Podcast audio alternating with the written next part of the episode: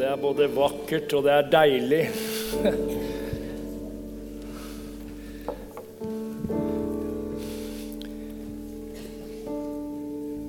Takk for herlig lovsang. Det er noe med lovsang som drar himmelen ned over oss. Det er fantastisk. Det er jo bare nydelig, altså.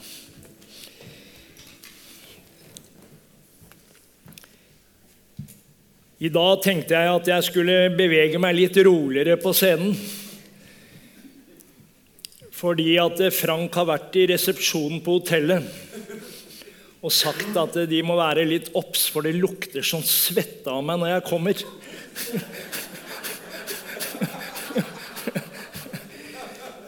Så når jeg kommer inn der nå, så bare stå, kikker de sånn på meg.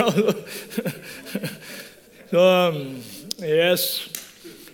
Jeg lovte Leif Holstad å hilse til menigheten. Jeg sa det i går òg, men nå er det helt sikkert flere som tilhører menigheten her. Så jeg skulle hilse fra Leif, og han sier han, er, han sier jeg har mange gode venner i Betel i Trondheim. sier han. Så, så da har jeg gjort det. Så har jeg gjort jobben min òg. Ja. Jeg har med noen bøker. Leif har jo skrevet en bok. Jeg vil si Han har skrevet to bøker nå det siste. Den, den ene har kommet ut. Det vil si det er den siste bøkene i det første opplaget. Og så har han kommet med en ny bok nå som er i trykken, om endetiden. En Daniels bok. Det er en veldig, veldig sterk bok. Jeg har lest, litt sånn, ja, lest en del gjennom den. Veldig, veldig sterk.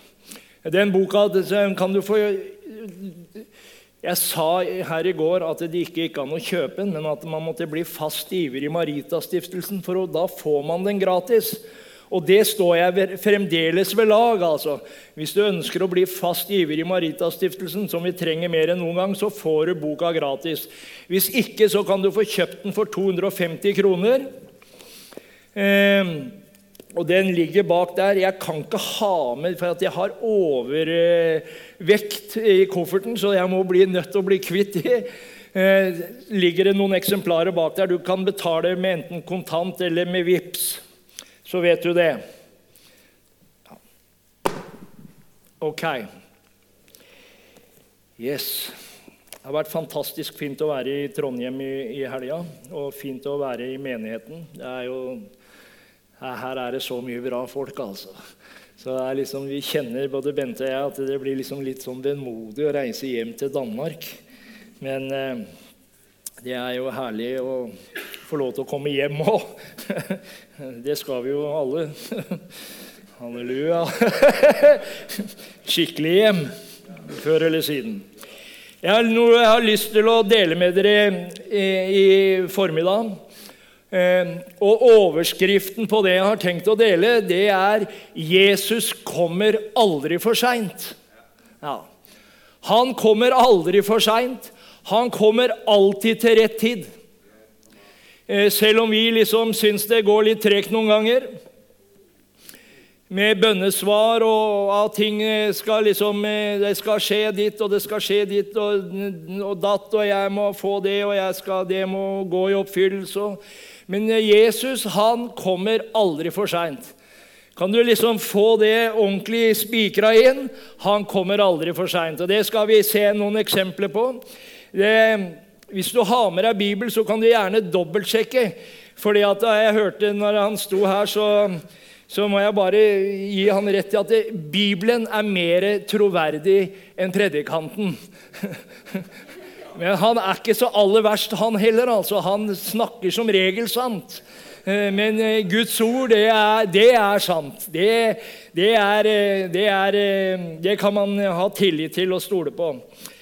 Så om jeg ikke leser hele teksten, så skal du i hvert fall få med deg det som står. Og så kan du dobbeltsjekke seinere. Det, det jeg skal preke om i formiddag, det, står, det er fra Markus 5. Eh, og Jesus han eh, opererte jo mye nede, eller rundt Genesaretsjøen, og det var jo aktivitet der hele tida. Den ene dagen så var de på den ene sida av fjorden, og plutselig så var de ute i båt, og så var de på andre sida, og så var de i syd, og så var de i nord.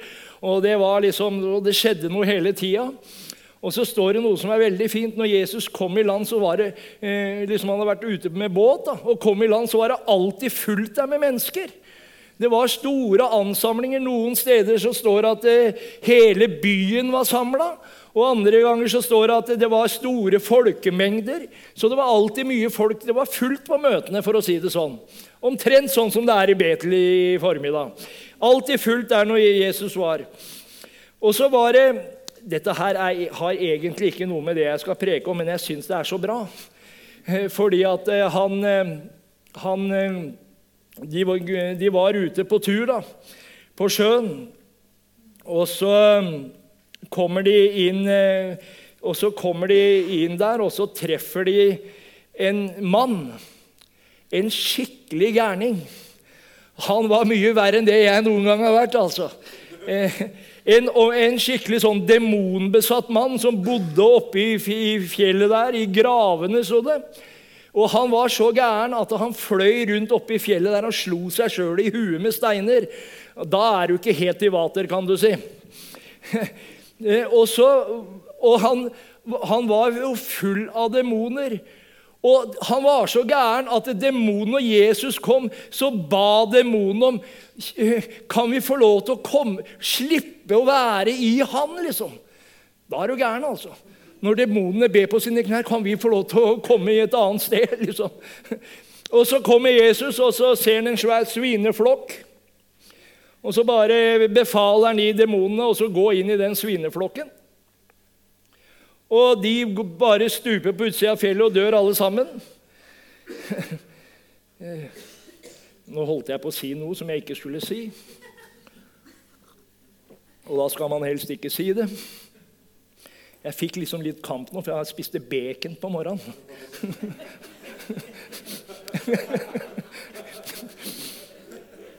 og i det øyeblikket Jesus talte til den mannen, så var han momentant fri. Helt fri.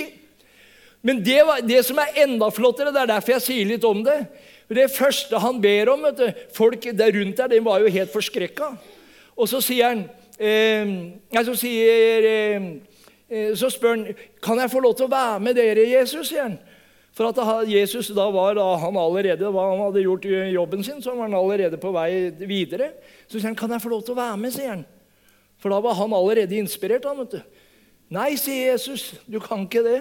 For du skal hjem til dine egne, og så skal du fortelle vitnesbyrd om hva som har skjedd med deg. Så han blei sendt rett inn i tjeneste. han, vet du. Rett inn i tjeneste. Møtte Jesus, momentant løst, rett inn i tjeneste. Det er fantastisk. vet du. Det er sånn det skal være. altså. Du skjønner, du bør ikke holde på å vente i 25-30 år du, før du får løst det som Gud har lagt inn i livet ditt. Han var momentant løst, han hadde fått en opplevelse av Jesus.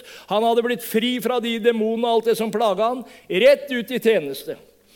Så drar Jesus over på andre sida. Det var egentlig ikke andre sida, for det var bare lenger nordover. På samme sida var det egentlig. Men eh, Ja. Og der var det mange folk, står det. Samlet mye folk seg om, og han var ved sjøen. Og Han sto der og underviste dem. Og så kommer synagogeforstander Jairus.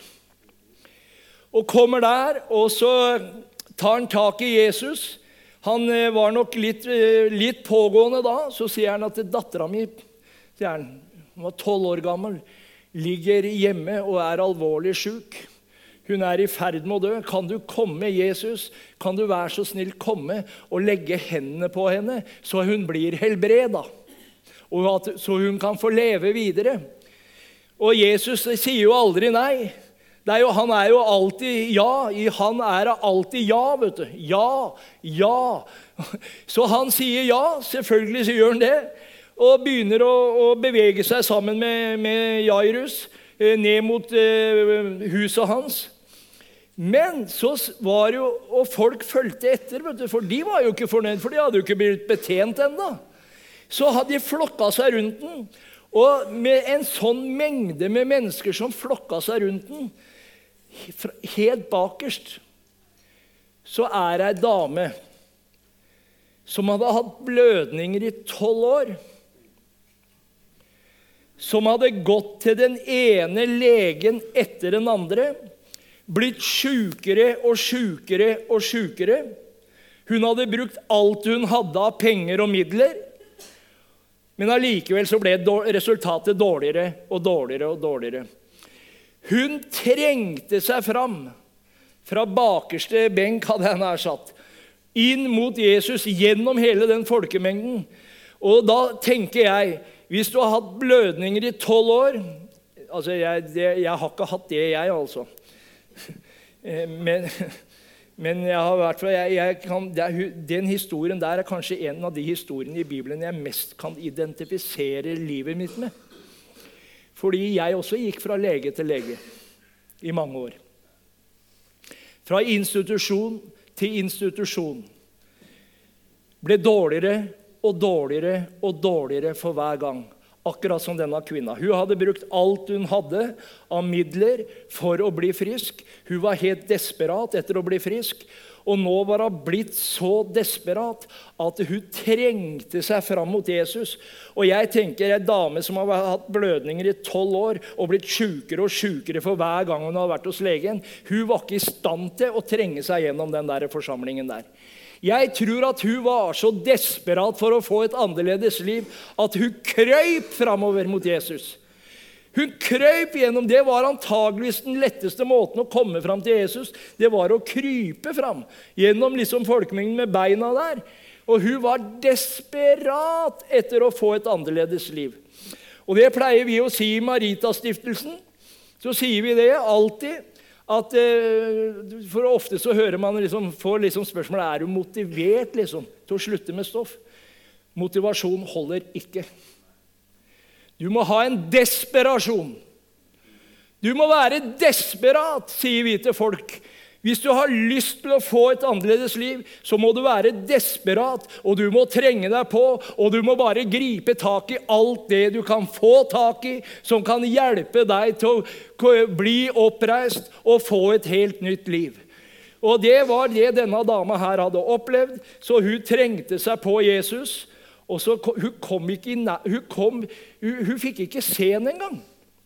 Altså, Hun så han, men hun fikk ikke se han ansikt til ansikt i øya. Men hun fikk så vidt tak i kappa hans, står det. Og i det øyeblikket hun fikk tak i kappa til Jesus, det var mer enn nok. Hun helbreda. Wow! Og Jesus, vet du Og så snur han seg og sier Hvem var det som tok på meg? sånn? Hvem var det som rørte ved meg? Og så sier og så sier disiplene, 'Rørte ved det?' Hva er det for et spørsmål? De myldrer jo av mennesker her. Det er jo helt fullt. De trenger seg jo på fra alle kanter. Og så spør du hvem er som rørte ved meg. De var jo desperate etter å få rørt ved Jesus, alle sammen. Og Så sier Jesus, 'Ja, men jeg kjente det gikk en kraft ut av meg', sa han. Wow! Evangeliet er en Guds kraft som forvandler menneskers liv. Og i det øyeblikket man får en berøring av Guds kraft, så blir det umulige mulig. Amen. Og det var det hun opplevde der og da. Hun fikk en berøring av Jesus. Hun var ikke fysisk i kontakt, men hun fikk bare tak i kappa. Amen. Og i det øyeblikket så var den dama helbreda. Og Hun var desperat. 'Jeg må ha tak i Jesus. Jeg må ha noe av Jesus.' Hun visste hva det var skapt en tro i hjertet hennes, at i det øyeblikket hun fikk et møte med Jesus, så kommer hennes liv til å bli totalt forvandla. Det var hun helt overbevist om, og det skjedde. Ja. Det skjedde som hun hadde tro til, og hun ble helbreda. Men så lå det Ei jente på tolv år og var i ferd med å dø. Og jeg tenker det at Hvis du ringer til legen, og det er liksom alvorlig altså. Hadde jeg ringt til legen og sagt at nå må dere komme, for nå, ligger, nå er Bente dårlig, dette går gærent, så håper jeg at den ambulansen hadde bare gitt full gass og kommet så fort som mulig, med lege og alt som var. Jesus tok det helt med ro. Han, det var så mange andre òg som trengte hjelp. For Jesus visste at han aldri kom for seint. Han visste det. Han hadde helt trygghet og ro på det, han. Men de andre vet du, de var jo helt desperate. Og så kommer dem Jesus og Jairus i møte. Eh, og så sier de til, sier de til Jairus ikke bry mesteren noe mer nå, for han kom for seint. Det er over. Dattera di er død. Og det var jo sorg og fortvilelse. Og Jesus han bare lata som jeg tror han lata som han ikke hørte det. Så han bare fortsatte, og, og så kom han ned til huset. Det er interessant. Og de der som kom vet du, og hadde sagt at 'dattera di er død, Jairus' Og De var langt inne i sorgprosessen. vet du. De, var, de gråt, og de var helt fortvila. Så tenkte Jesus sånne, sånne lite troende folk kan jeg ikke ha med inn her. så han bare lot dem få lov til å være på utsida, og så tok han med seg Jairus, familien, og så tok han med seg noen av disiplene, og så gikk de inn. Og så sa han til, bare, skulle han bare berolige Jairus. Slapp av, sa han. Ta det med ro. Hun bare sover. Sover? Jenta var død. Og så bare gikk Jesus bort, vet du. Og så tar han tak i hånda på denne jenta på tolv år, og så sier han bare Reis deg opp. Tabita Nomi, reis deg opp. Og så reiste den jenta seg opp du, og gikk rundt på gulvet der. Lys levende. Fenomenalt. vet du. Tenk for en fest det var i den stua. Alle trodde Jesus kom for seint. Men han kom ikke for seint. Han kom akkurat i tide. Og så sier Jesus noe det jeg legger merke Noen ganger så henger jeg meg opp i sånne smådetaljer, og den syns jeg er så bra. Så sier Jesus da de var helt forstyrra De var jo helt ikke sånn, de var jo i sjokk. Hun hadde, var død og blitt levende. Så sier Jesus, 'Kan dere ikke bare gi, da, gi jenta litt mat?' Gi henne litt mat, for hun er sulten. Det var det første Jesus tenkte på. vet du. Jo, hvorfor det? Jo, for Jesus han tenker på hele mennesket. vet du. Både ånd og sjel og legeme. Så han skjønte at det største behovet nå det var at hun fikk litt mat. For hun hadde jo ligget der lenge. Så Jesus sa, 'Gi henne mat, for jenta er sulten.' Og så fikk han mat, vet du, og så ble det, ble det stor fest. vet du. Og um, er, Jeg syns det der er en fantastisk historie. Fordi at jeg tenker ofte det, den der, Når jeg leser den historien, så kjenner jeg liksom, så, så bli, kjenner jeg hele mitt liv kommer som en sånn eh, filmrull. altså. Fordi at det var sånn jeg opplevde det når jeg gikk og rusa meg på narkotika. Fordi at jeg var i ferd med å resignere. Jeg tenkte jeg får aldri hjelp. Og jeg var innom ikke sant? Jeg var innom den ene institusjonen etter den andre med mislykka opplegg. Blei dårligere og dårligere, mer og mer avhengig av stoff. Sjukere og sjukere. Så jeg tenkte dette her kommer aldri til å bli noe bra resultat. Og så mista jeg Og når jeg mista eldstebroren min Jeg fant eldstebroren min død av en overdose med heroin. Fant den på badegulvet. Eh, sprøyta sto fremdeles i armen. Så tenkte jeg wow. Helt meningsløst. Helt meningsløst. Og så var det da En del år etterpå så skjedde det samme med eller ikke det samme, men enda mer brutalt med yngstebroren min. Nå ble han henretta i rusmiljøet. Og da kjente jeg bare det at Jan, neste gang er det din tur. Og når du da har prøvd å komme deg ut av det livet så mange ganger, så blir du desperat, altså. Du blir desperat. Det er nesten, det er nesten umulig for meg å forklare hva, hvor desperat en blir. Og Jeg husker en av de aller siste gangene jeg var inne, når jeg skjønte at det var alvor. Da satt en psykiater. Det er jo noen ganger, Jeg må nesten le litt av det, for det er jo helt komisk. Han sa nå har du prøvd så mange behandling og, og behandlingsopplegg.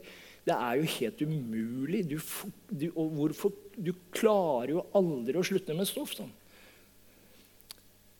Og så sa han i tillegg så sa han, det er ikke et menneske på denne kloden som kan klare å hjelpe deg til å slutte med narkotika. Sånn. Og Da skjønte jeg at det nå er alvor. Men så sa han vet du, noe fint. eller som jeg syns hørtes fint ut. da. Så sa han det er én metode igjen.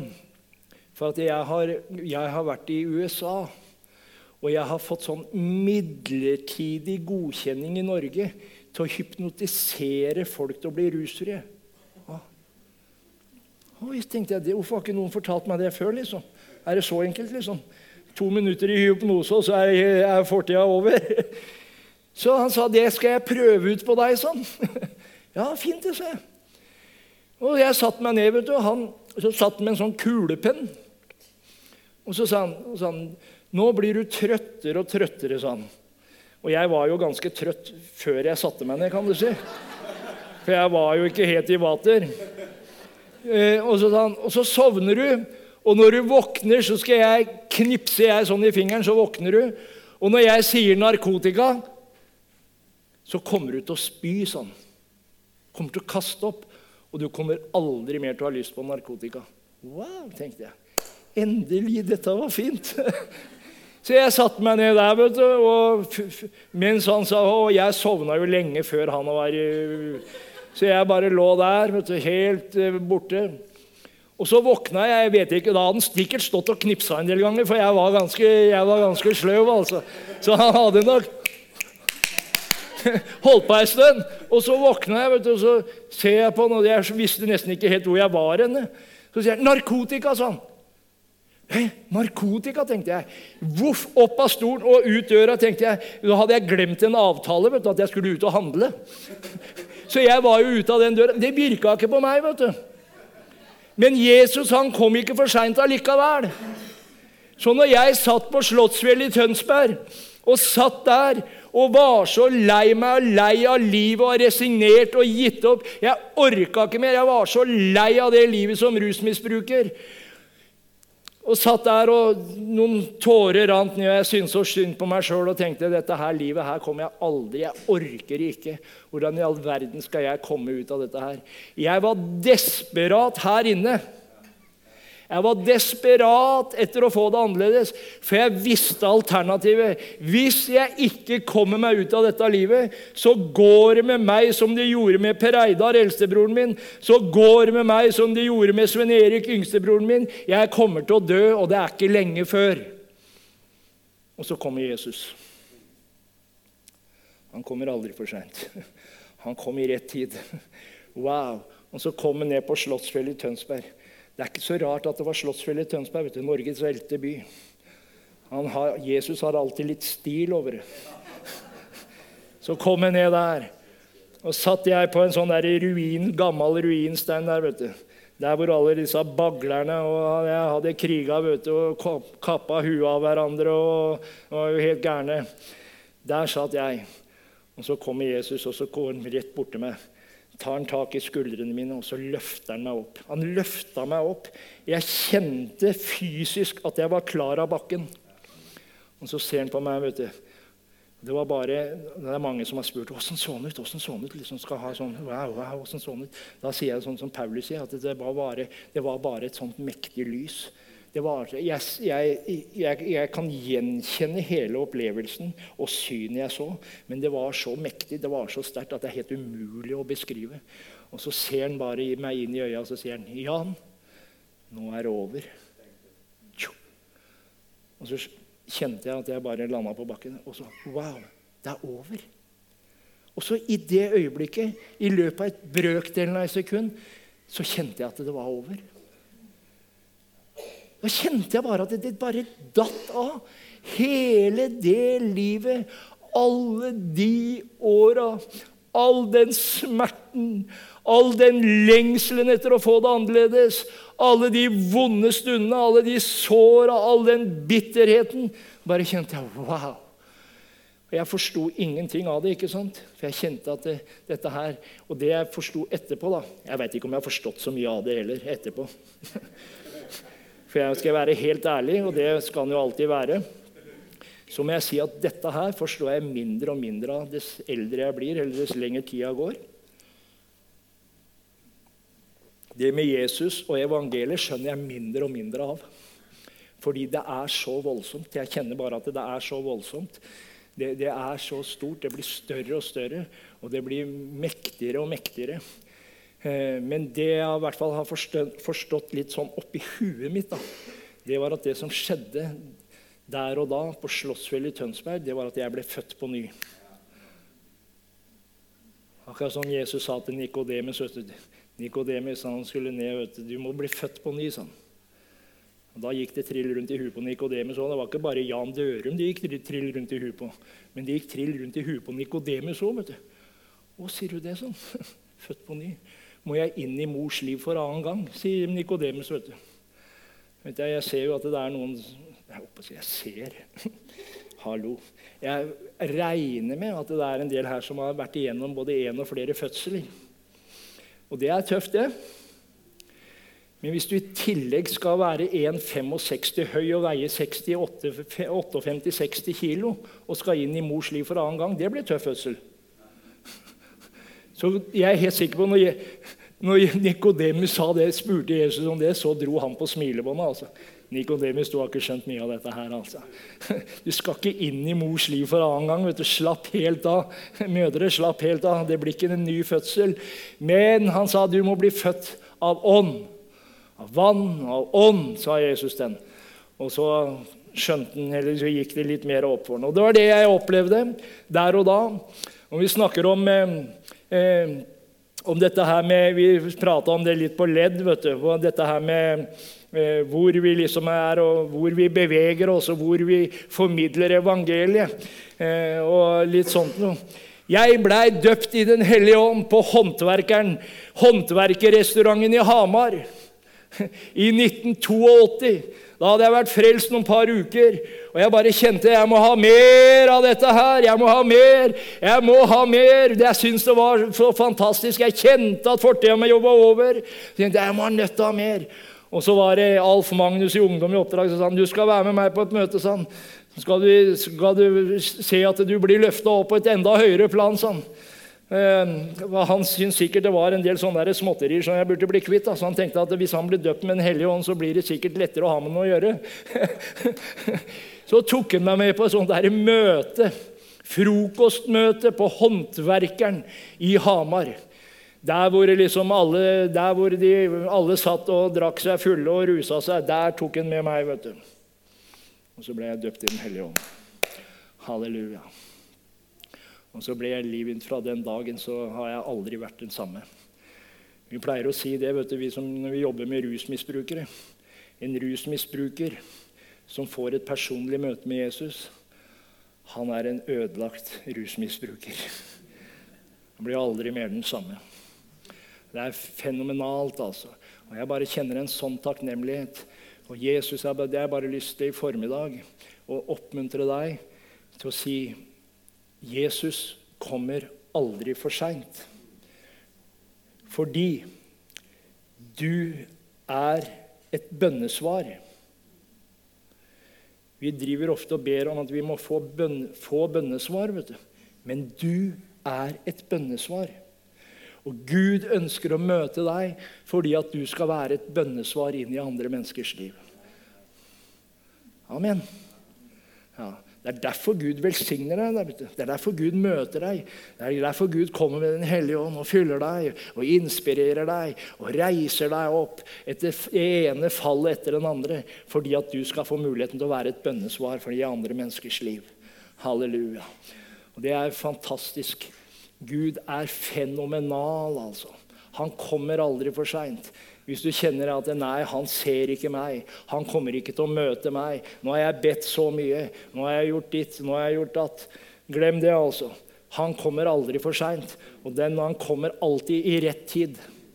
Alltid i rett tid. Så du skal få en opplevelse av evangeliets kraft som forvandler deg. Ja, men jeg har slitt så mange ganger, så lenge og vært igjennom ditt og vært igjennom datt. Ja, men du skjønner det.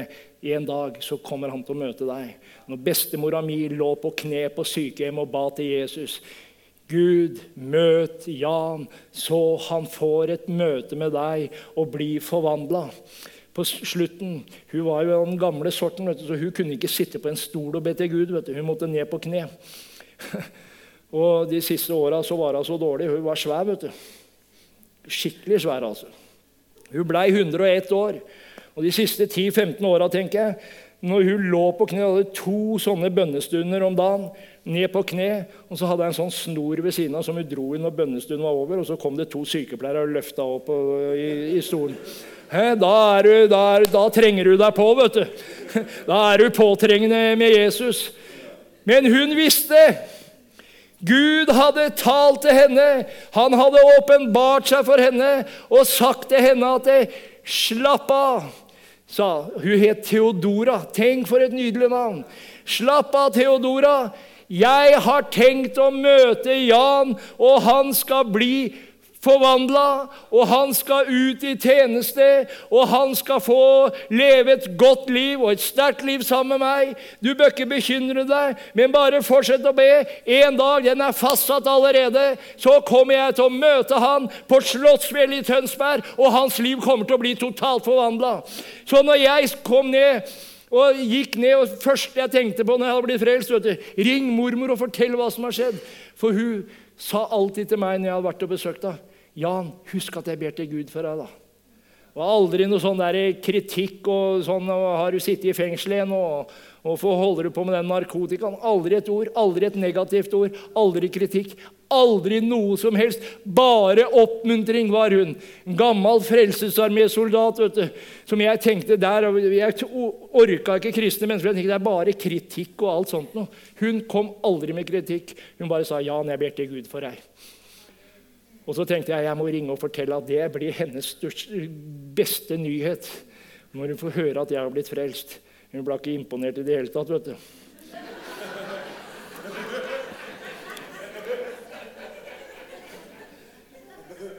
Du blir ikke begeistra av å høre gamle nyheter. vet du. Når det hadde Gud. Gud hadde jo vært der og fortalt av det. Når jeg ringer sier 'Mormor, det er noe jeg forteller deg.' 'Ja, jeg vet hva det er, gutten min', sa Du har møtt, møtt Jesus. Hæ? Ja, men jeg vet hvor det var hen òg, sa Jesus kom og møtte deg på Slottsfjellet i Tønsberg. Gratulerer, gutten min. Hold fast på det. Lev med Han. Og så var det ikke lenge etterpå, så reiste hun hjem. Ja, Fullendt løpet, bevart troen, opplevd bønnesvaret som lå dypest inn i hjertet. Og jeg bare kjenner jeg blir rørt og takknemlig når jeg tenker på min gamle mormor på 101 år. Hun holdt ut! Hun visste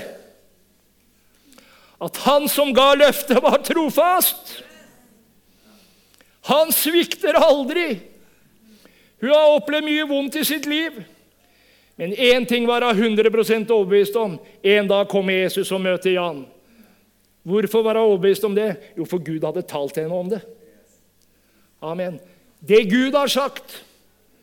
Og Jeg har lyst til å avslutte denne formiddagen med å si til deg som sitter og har knuste drømmer, knuste visjoner, ting som du aldri har kommet inn i, skuffelser, ting som Gud har lagt ned i hjertet ditt, som du tror er over og forbi fordi det skjedde ditt og skjedde datt.